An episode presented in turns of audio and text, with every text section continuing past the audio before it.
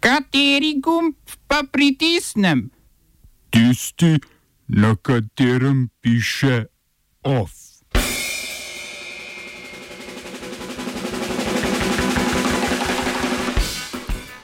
OF modrega umika.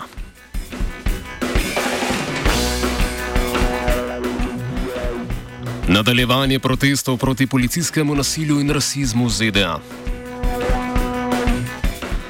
Kip trgovca sužnji v Bristolu pristal v reki.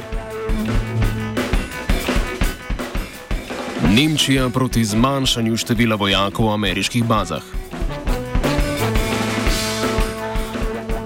Banka Slovenije za letos napoveduje krčenje gospodarstva za 6,5 odstotka.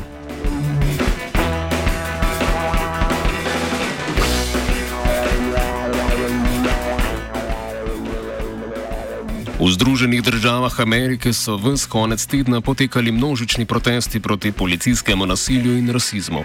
Najbolj množični so bili v New Yorku, Filadelfiji in Washingtonu. Policija je ob protestih tokrat večinoma posredovala precej manj agresivno, zaradi česar so shodi potekali bolj mirno kot v preteklih tednih. V New Yorku, Atlanti in Chicagu so župani ukinili policijske ure. Še posebej v New Yorku je bil župan Bill de Blasio tarča hudih kritik, saj se je policijska ura v mestu, ki nikoli ne spi, začela že ob 8. zvečer. Policija pa je ta čas izkoristila za množične in arbitrarne aretacije. De Blasio je obljubil tudi preiskavo nekaterih primerov nasilnega obnašanja policistov, ki so v teh dneh krožili po socialnih omrežjih, in zmanjšanje proračuna newyorške policije, ki sicer znaša okoli 6 milijard evrov.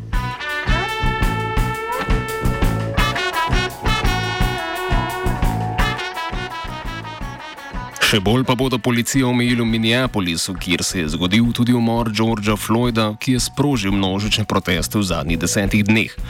Dovolj velika večina mestnih svetnikov, ki da jih ne more ustaviti niti župano Veto, se je javno zavezalo, da bodo glasovali za razpustitev tamkajšnje policije. Nadomestiti jo želijo z novim sistemom javne varnosti, kako naj bi ta izgledal, pa še ni jasno. Svoj predlog za reforme policije pripravlja tudi predstavniški dom Zvezdnega kongresa, v katerem imajo za cilj zmanjšanje pravnih ovir, ki preprečujejo civilne tožbe policistov.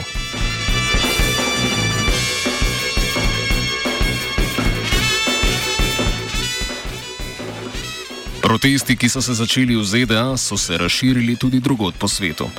Najbolj množični so bili v državah, ki imajo tudi same zgodovino sužne lastniškega imperializma, naprimer Združeno kraljestvo in Belgija. V Bruslju so protestirali proti krajem, ki obeležujejo vladavino kralja Leopolda II., ki je svoje gradbene podvige v Belgiji financiral z neusmiljenim izkoriščanjem Konga, ki ga je imel kar v osebni lasti od leta 1885 do 1908. V britanskem Bristolu pa so protestniki zrušili kip trgovca sužnji Edwarda Colstona in ga vrgli v morje, kar je bila sicer usoda številnih žrtev Colstonovih podjetniških podvigov.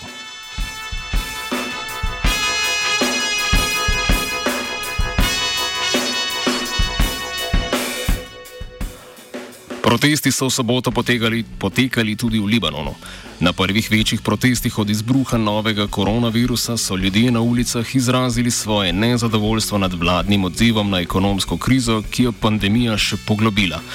Vlada se trenutno pogaja z mednarodnim denarnim skladom glede odobritve skoraj 10 milijard evrov težkega posojila, ki je seveda pogojeno z ekonomskimi reformami. Libanon se že od lanske jeseni sooča s hudim zunanje bilančnim primankljajem, zaradi česar domača valuta izgublja vrednost, tujih valut pa v bankah ni mogoče dobiti. Protesti so na začetku leta povzročili padec vlade Sada Haririja, premijer pa je postal Hasan Daib.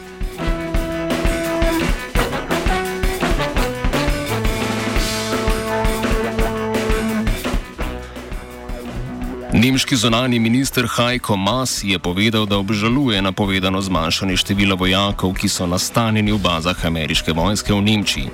V tej državi je trenutno stalno nastanjenih 34.500 ameriških vojakov. Ameriški predsednik Donald Trump pa bi rad njihovo število zmanjšal za 9.500.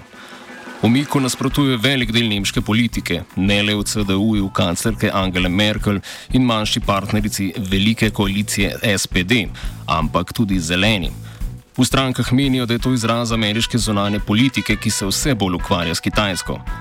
Poljski premijer Mateusz Morejvecki je medtem povedal, da si bo njegova vlada prizadevala, da bo večji delež ameriških vojakov, ki bodo zapustili Nemčijo, našla nov dom na Poljskem.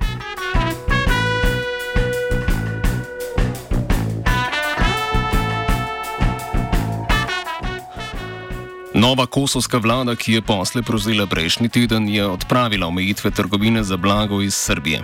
S tem si je vlada Abdullaha Hotija odprla pot za nadaljevanje pogovorov pod okriljem Evropske unije o normalizaciji odnosov s Srbijo. Konec leta 2018 je Kosovo, takrat še pod vlado Ramuša Haradinaja, uvedlo 100-odstotne carine na blago iz Srbije. Te so bile kasneje omaknjene, a je Priština uvedla druge omejitve trgovine, čemu so močno nasprotovali Združene države Amerike in Evropska unija. Oba, če, če bom odgovoril na angliški. Slovenija will try to help. Uh, we can. Slovenija will. Uh, and we will. Do our utmost. To say that the situation is. Our problem ourselves. And uh, we will. Uh, make further steps as soon as the conditions are. Bomo vlado Marjana Cererja Šarca podprli. Very, very serious. News from Slovenia. We know how and we will. Banka Slovenije je predstavila ocene vpliva, ki ga bo imel izbruh koronavirusa na domače gospodarstvo. Predvidevajo, da se bo to skrčilo za 6,5 odstotka, kar je na spodnji meji prvih ocen iz marca. Takrat je banka predvidela pade, padec BDP-ja med 6 in 16 odstotki. V prihodnih letih naj bi gospodarstvo okrevalo in sicer pričakujejo rast nekaj manj kot 5 odstotkov v letu 2021 in 3,6 odstotka leto zatem. Kljub temu bo to drugo najslabše leto za slovensko gospodarstvo v zadnjih deset, desetletjih. Bolj se je gospodarstvo skrčilo le še leta 2009 in sicer za okoli 8 odstotkov. V Banki Slovenije poleg tega napovedujejo, da se bo državni dolg zvišal na nekaj več kot 82 odstotkov BDP-ja, kar je približno toliko, kot je znašal državni dolg leta 2015, ko je bil najvišji. V naslednjih letih se je na to zniževal in je na začetku tega leta znašal 66 odstotkov bruto domačega proizvoda. Svoje ocene je predstavila tudi Evropska centralna banka, ki pričakuje, da se bo gospodarstvo v evromočju skrčilo za 8,7 odstotka.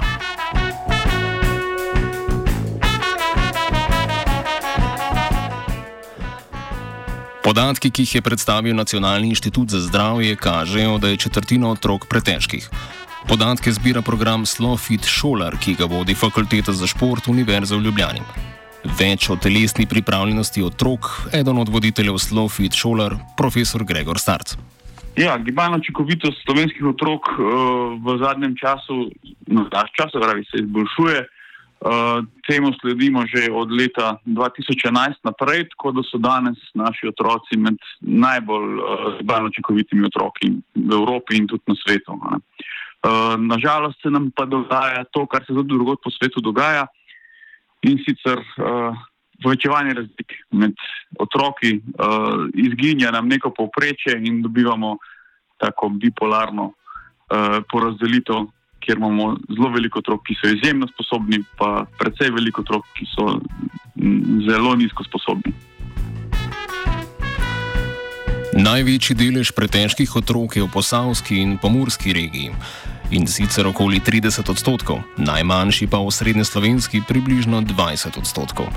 Kot pravi starc, ugotavljajo močno korelacijo posameznih deležev z izobrazbeno strukturo, ki pa je posledica ekonomskih priložnosti. Kaj lahko država naredi, da se ta trend obrne? Ja, eden najbolj učinkovitih ukrepov in najbolj enostavnih, ki pa seveda zahteva nekaj denarja, je, da eh, otrokom omogočijo pet ur uh, športne vzgoje na teden. Spravi, da ima vsak otrok vsak dan eno uro v šoli. Na ta način rešimo m, mm, ta problem uh, izobraženosti staršev, ker dejansko šola potem uh, zagotovi otrokom dovolj telesne dejavnosti. Ker telesna dejavnost je tista, ki, oziroma telesna nedejavnost je tista, ki povzroča debelost. Otroci, otroci uh, začenjajo nabirati odvečno telesno maso takrat, ko telesna dejavnost izgine. Ne pa zaradi prehrane. Otroci, ki so zelo telesno dejavni, pojejo dvakrat več kot tisti, ki so telesno nedejavni, ampak vseeno so tisti, ki so telesno nedejavni, debelejši. Onf je pripravil gal.